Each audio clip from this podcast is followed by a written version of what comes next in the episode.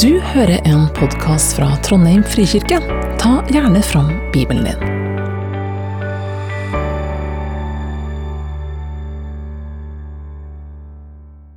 Temaet er altså ondskap, og eh, eh, jeg syns det er et spennende tema. Jeg syns det er et viktig tema. Eh, det har blitt litt mer eh, opp i tida å snakke om ondskap. Jeg tror det skjedde noe 22.07 når eh, vi opplevde denne masseskytinga på Utøya.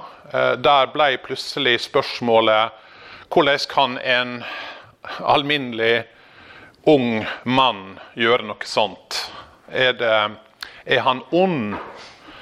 Eh, og En prøvde nokså febrilsk å lete etter forklaringer. Hva, hva kan forklare en sånn handling som det her?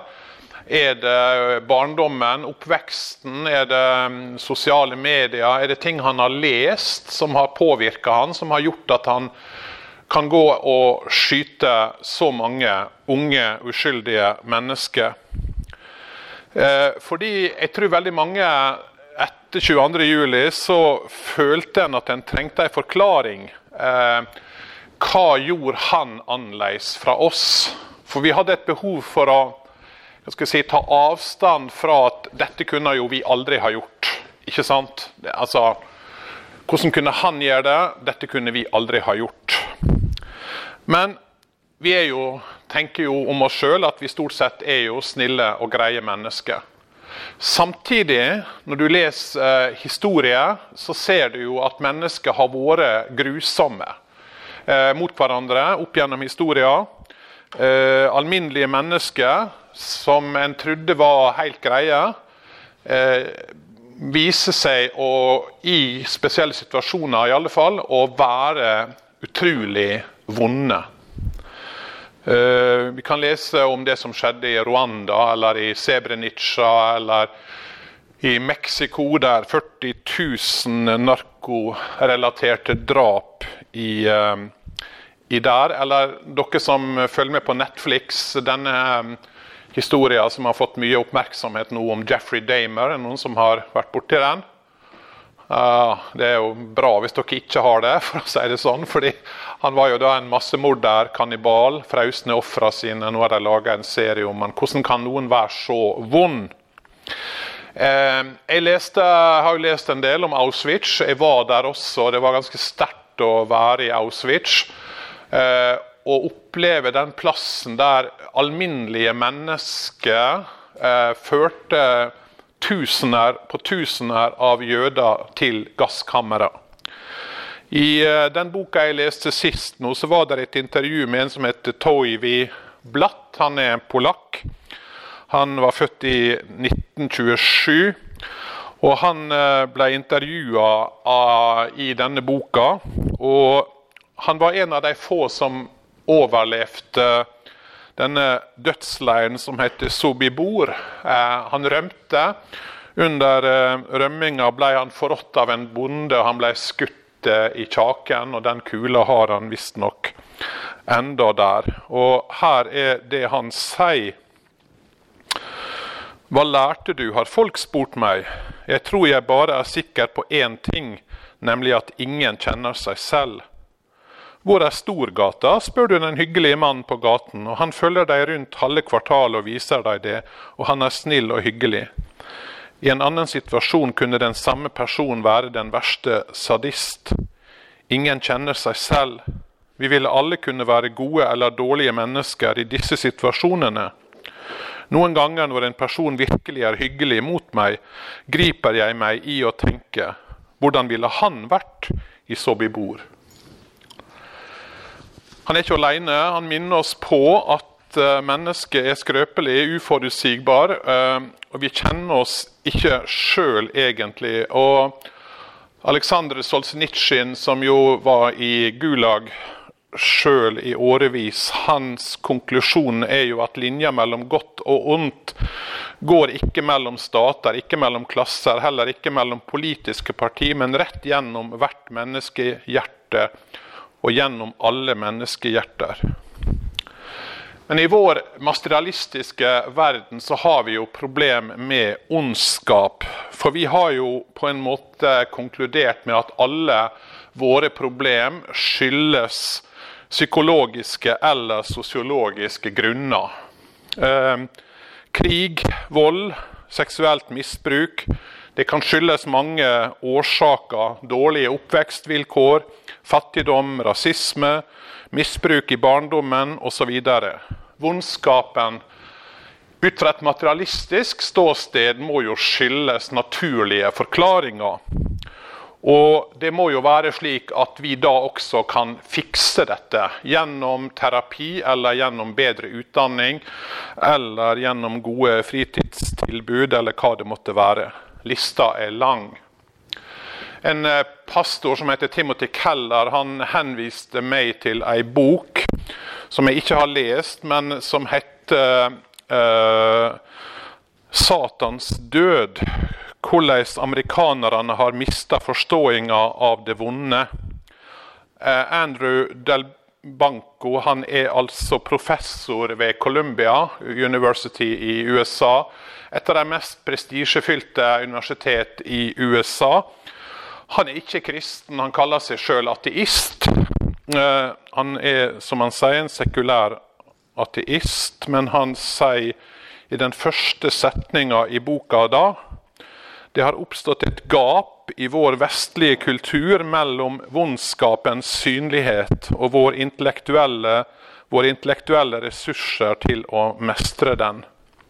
Og Han sier vi tror jo ikke lenger på ondskap. Eh, det har vi jo definert ut. Eh, for vi liker ikke ordet. Vi impliserer jo verdier og moralsk eh, absolutt.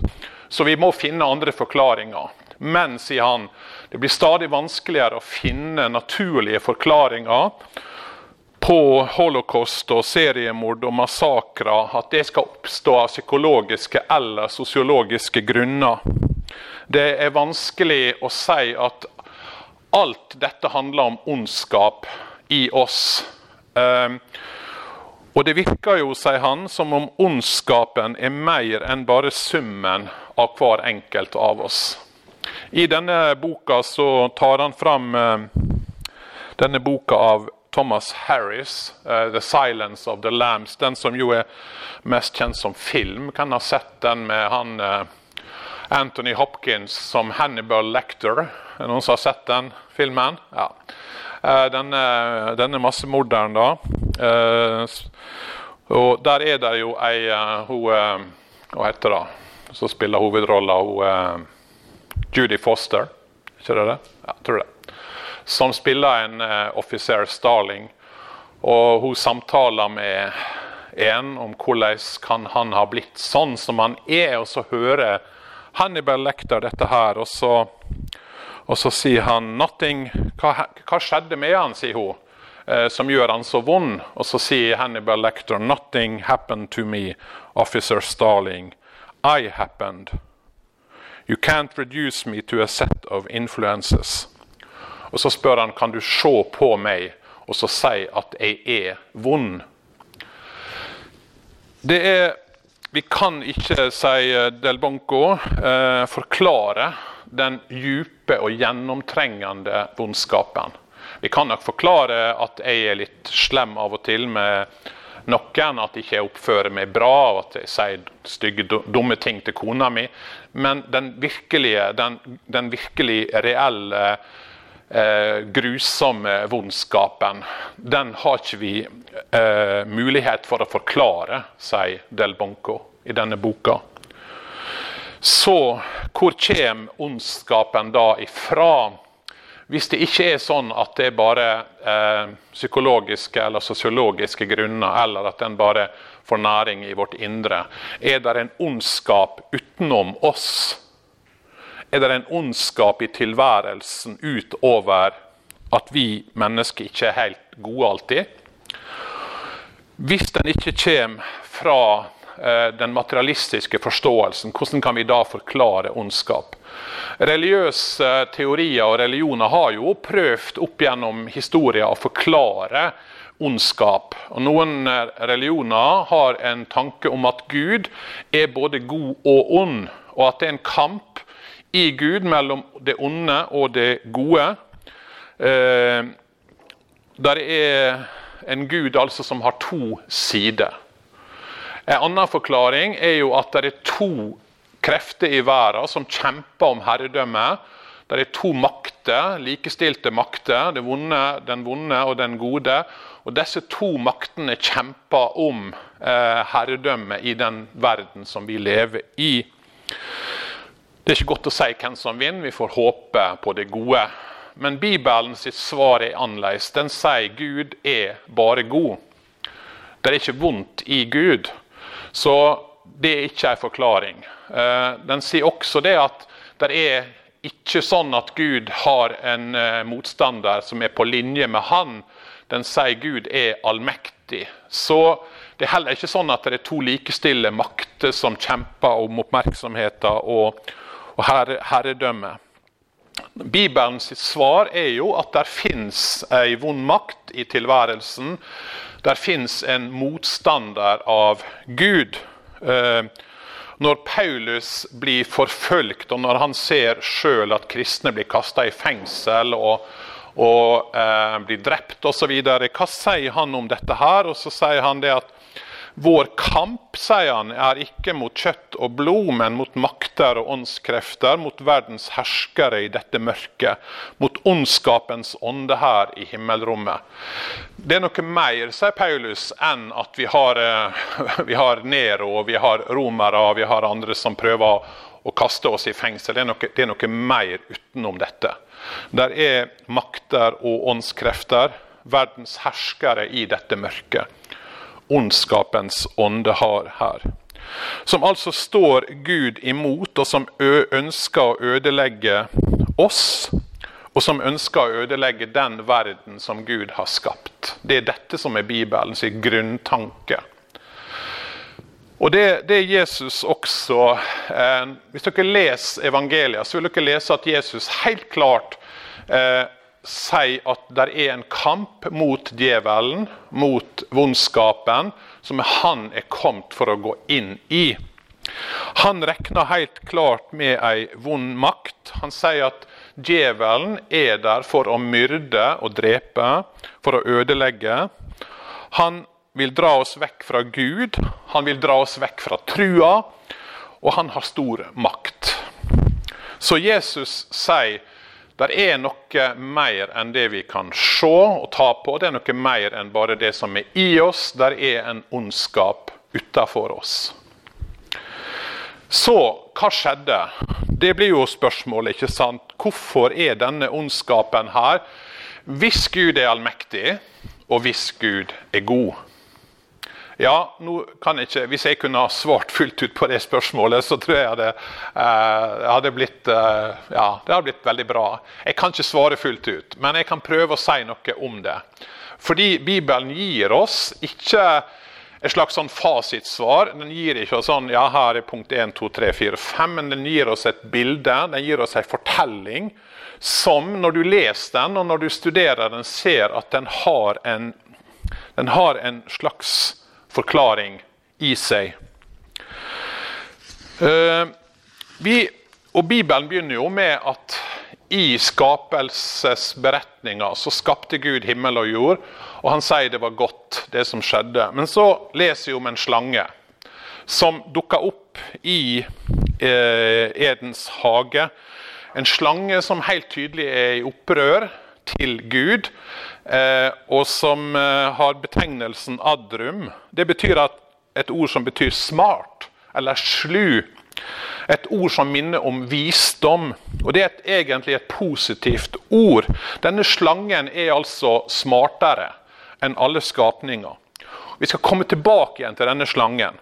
Men det som er spennende i første Mosebok, det er, er som at når Gud skaper, så inviterer han de skapningene han har skapt, til å være med og herske, styre, råde, eh, utvikle, dyrke det skaperverket som han har laga.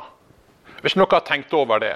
Vi er liksom ikke satt der bare for liksom, ja, tilfeldigvis. Gud skapte med den tanken at eh, dette gode universet skal styres sammen av hans skapninger. Slik at hans gode vilje skjer. Når vi ble skapt, så ble vi på en måte skapt til å være Guds medarbeidere. Og Så virker det som om dette ikke bare gjelder mennesker. Og Det er jo der det begynner å bli litt sånn, kanskje litt interessant, litt annerledes enn det som du kanskje har tenkt. For når Gud skaper, så sier han la oss skape mennesket i vårt bilde. Hvis du merker merke til den setninga La oss skape mennesket i vårt bilde. Hvem er oss? Eh, noen tenker det er et slags majestetisk oss. Eh, når jeg ble eh, innsatt som prest, så fikk jeg brev fra kong Olav. Eh, har det hjemme. Barnebarnet mitt trodde ikke på meg når jeg sa det at jeg har faktisk et brev fra kongen. Men han skrev da Vi, Olav den femte. Det majestetiske vi. Er det det her? Er det Guds majestet? Det virker ikke sånn, for det er aldri andre ganger dette blir brukt. Er det da Faderen, Sønnen og Den hellige ånd? Eh, det er oss. Treenigheten? Ja, det kan det være. Men det virker når du leser i Det gamle testamentet, som du stadig vekk møter på et slags himmelsk hoff. Eh, les Jobbs bok, f.eks. Les Jesaja. Og Her er et lite sitat fra første kongebok, som du kanskje ikke har lest før. Eh, det er ikke så ofte vi trekker det fram på gudstjenesten i Trondheim frikirke. Men det er litt interessant, fordi det gir oss et bilde i Det gamle testamentet av en, en annen slags verden. Legg merke til det.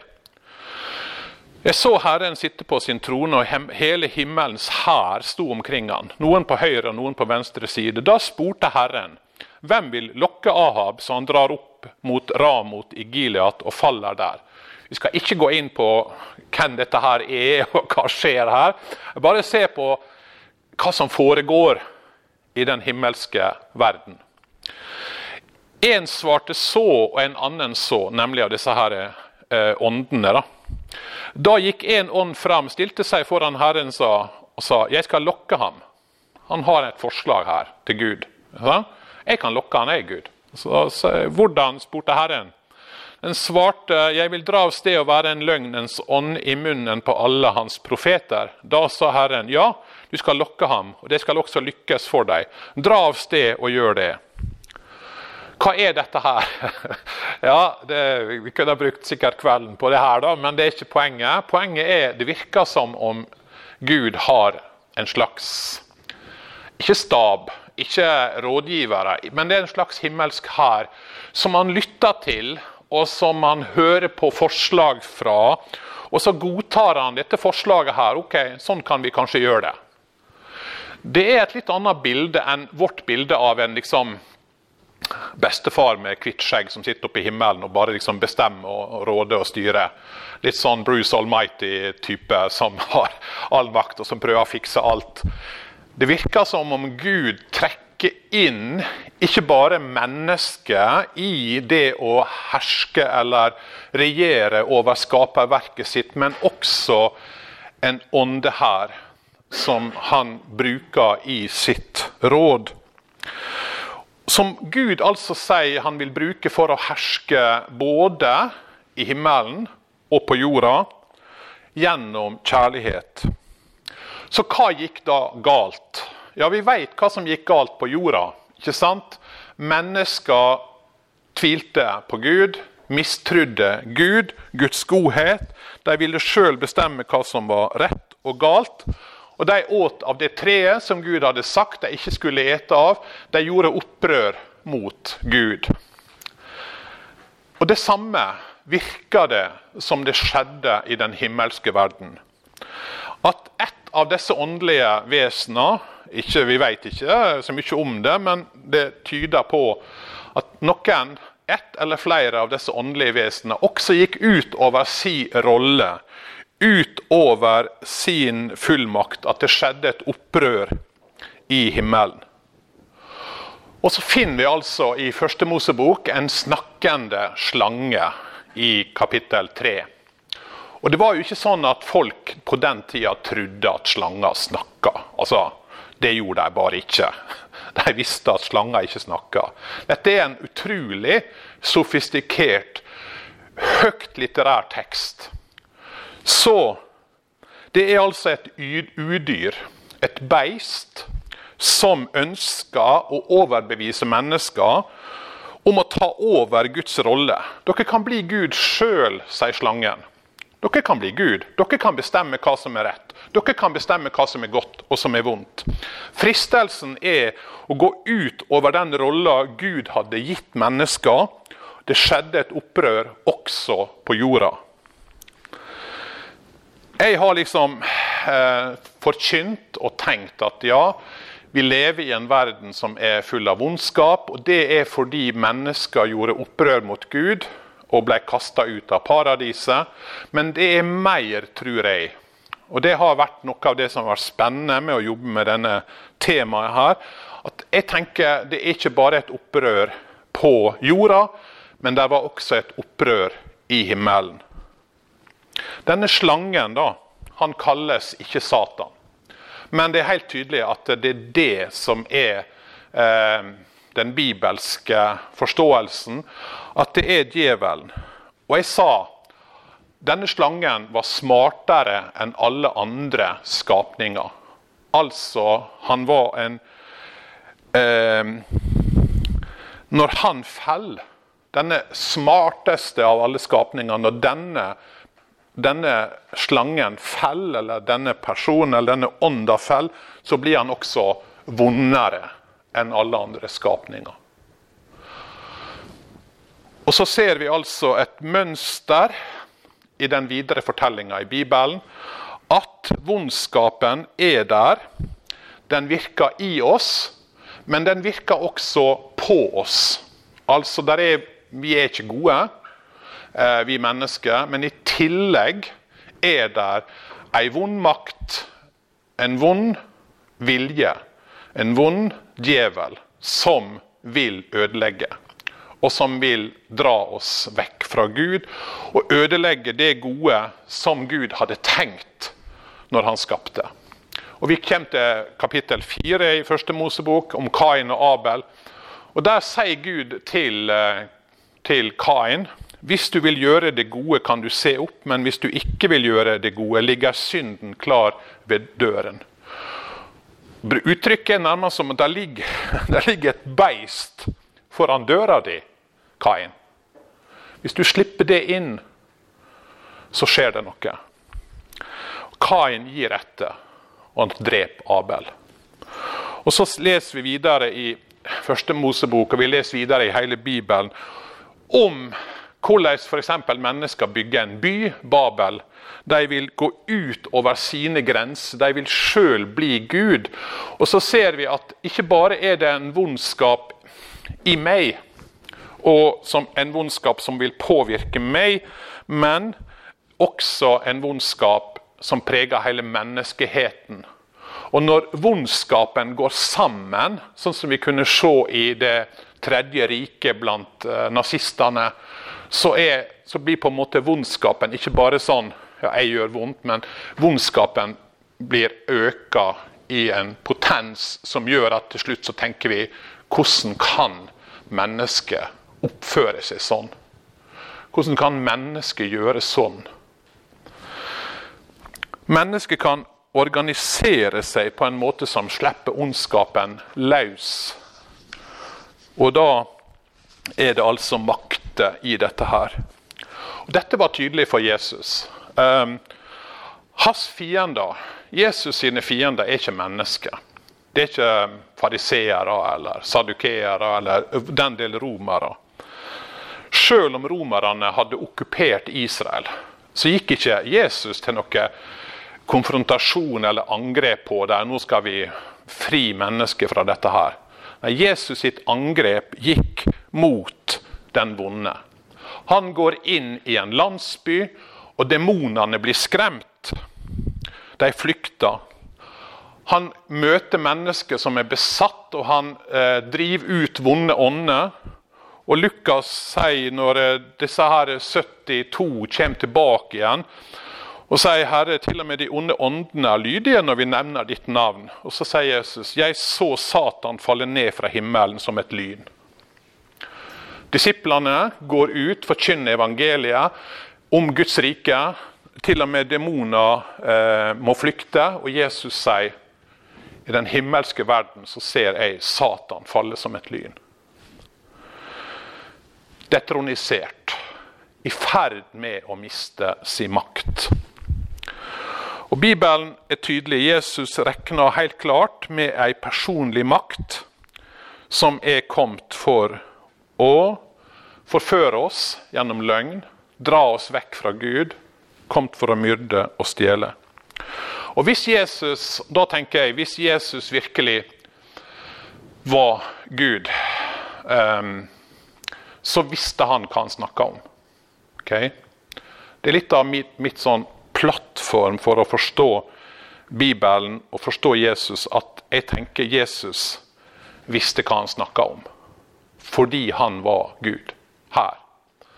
Gud han vet jo hva, her, hva som er i denne verden som vi ikke ser.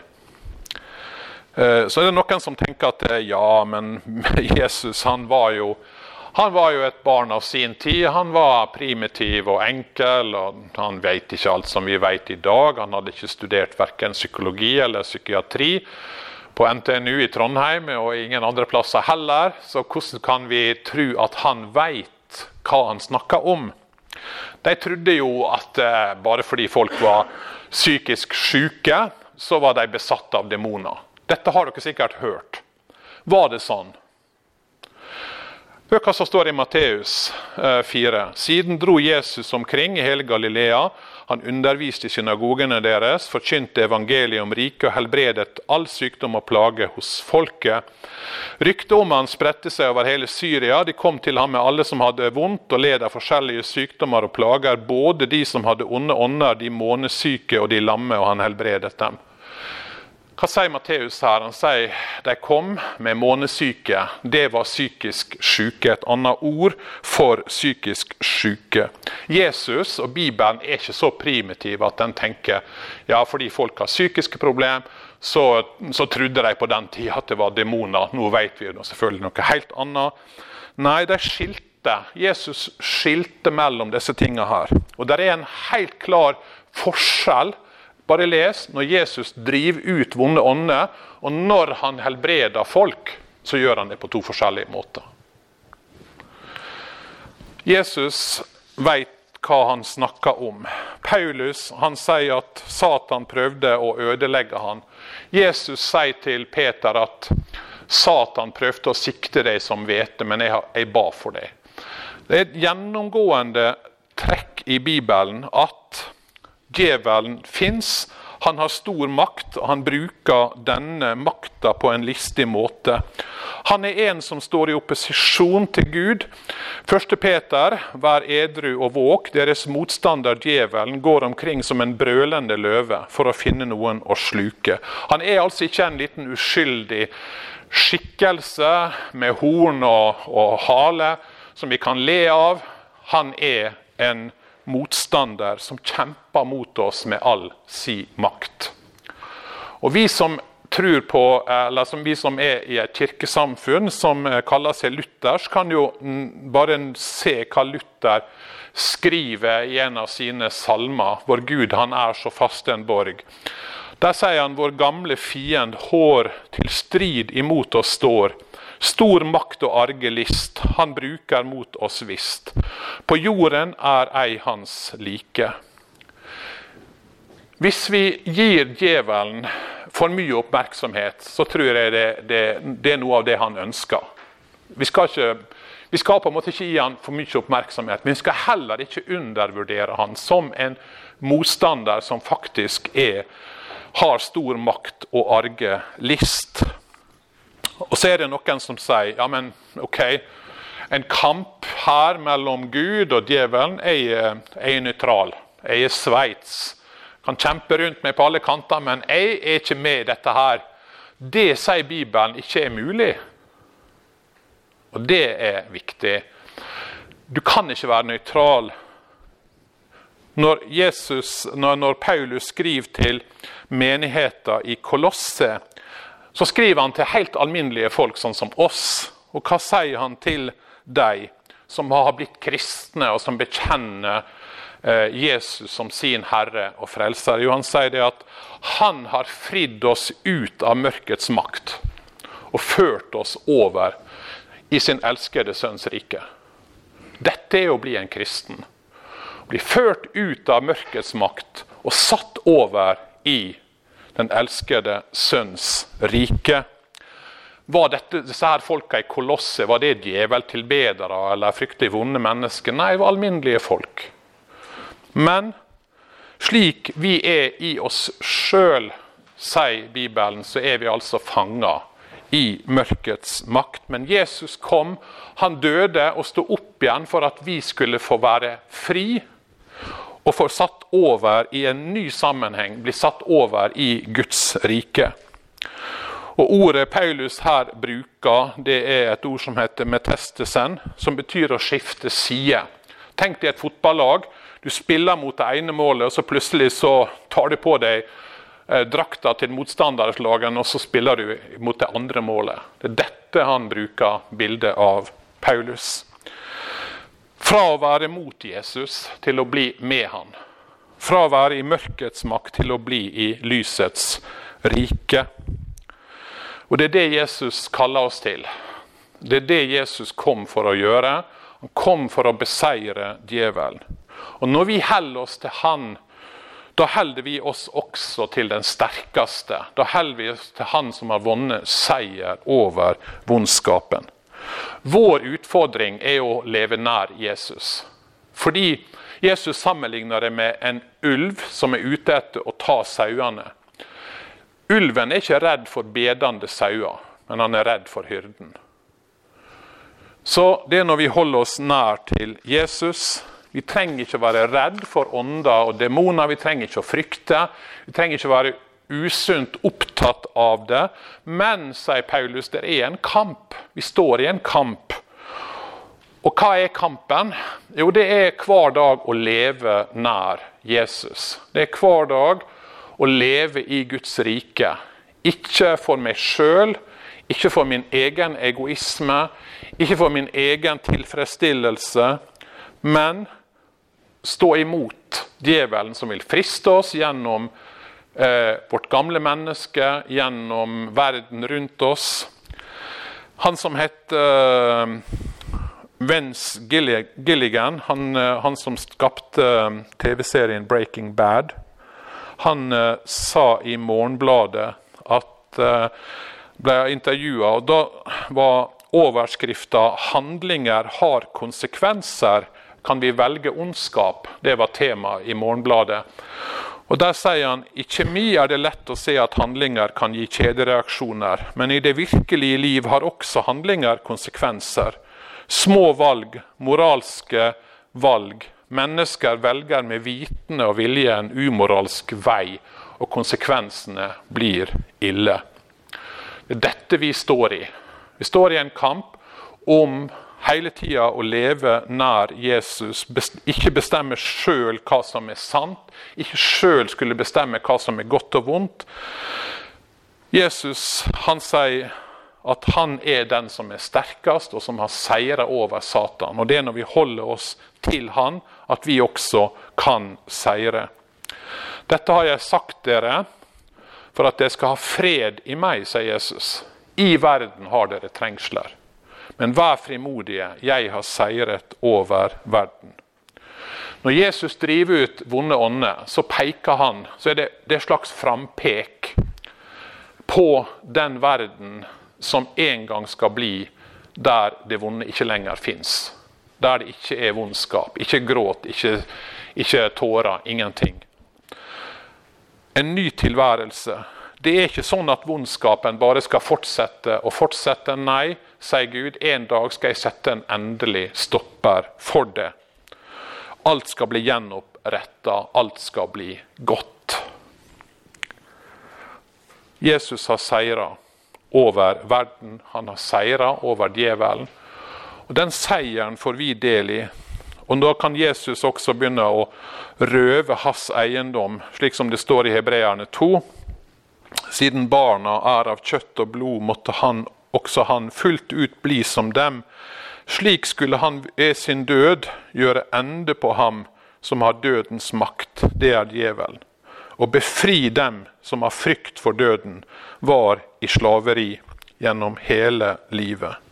Jesus er i ferd med å fri mennesket ut av mørkets makt, ut av frykten for døden. Ut av det som vil holde oss fanga. Han vil sette oss virkelig fri. Han er i ferd med å vinne tilbake sitt skaperverke. Og Det gjorde han ved å gå den tunge veien han gikk, opp til korset. Hele veien så leser vi om hvordan djevelen frister Jesus til å gå utenom. Hele veien leser vi hvordan djevelen frister Jesus til å la være å gjøre dette. Fordi det kosta alt for Jesus. Den veien han gikk, var denne kampen mot djevelen og hans, alt hans velde. Fordi han elska oss så høyt. Fordi han elska deg så høyt. Og pga. det Jesus gjorde, kan vi få være fri høre til i Hans elskede Sønns rike. Ikke lenger være redd, verken for djevelen, fordi djevelen vil flykte fra den som holder seg nær til Jesus. Men heller ikke for døden eller for alt det andre vonde som måtte møte oss. Da vi be sammen? Jesus, takk for at du har seira over døden og djevelen og vondskapen. Og at vi får lov å holde oss til deg og få kjenne på tryggheten og friheten og freden vi får lov å eie i deg, fordi du er den sterkeste. Amen. Takk for at du hørte på. Velkommen til gudstjeneste søndager klokka 11. Mer informasjon finner du på trondheim.frikirke.no.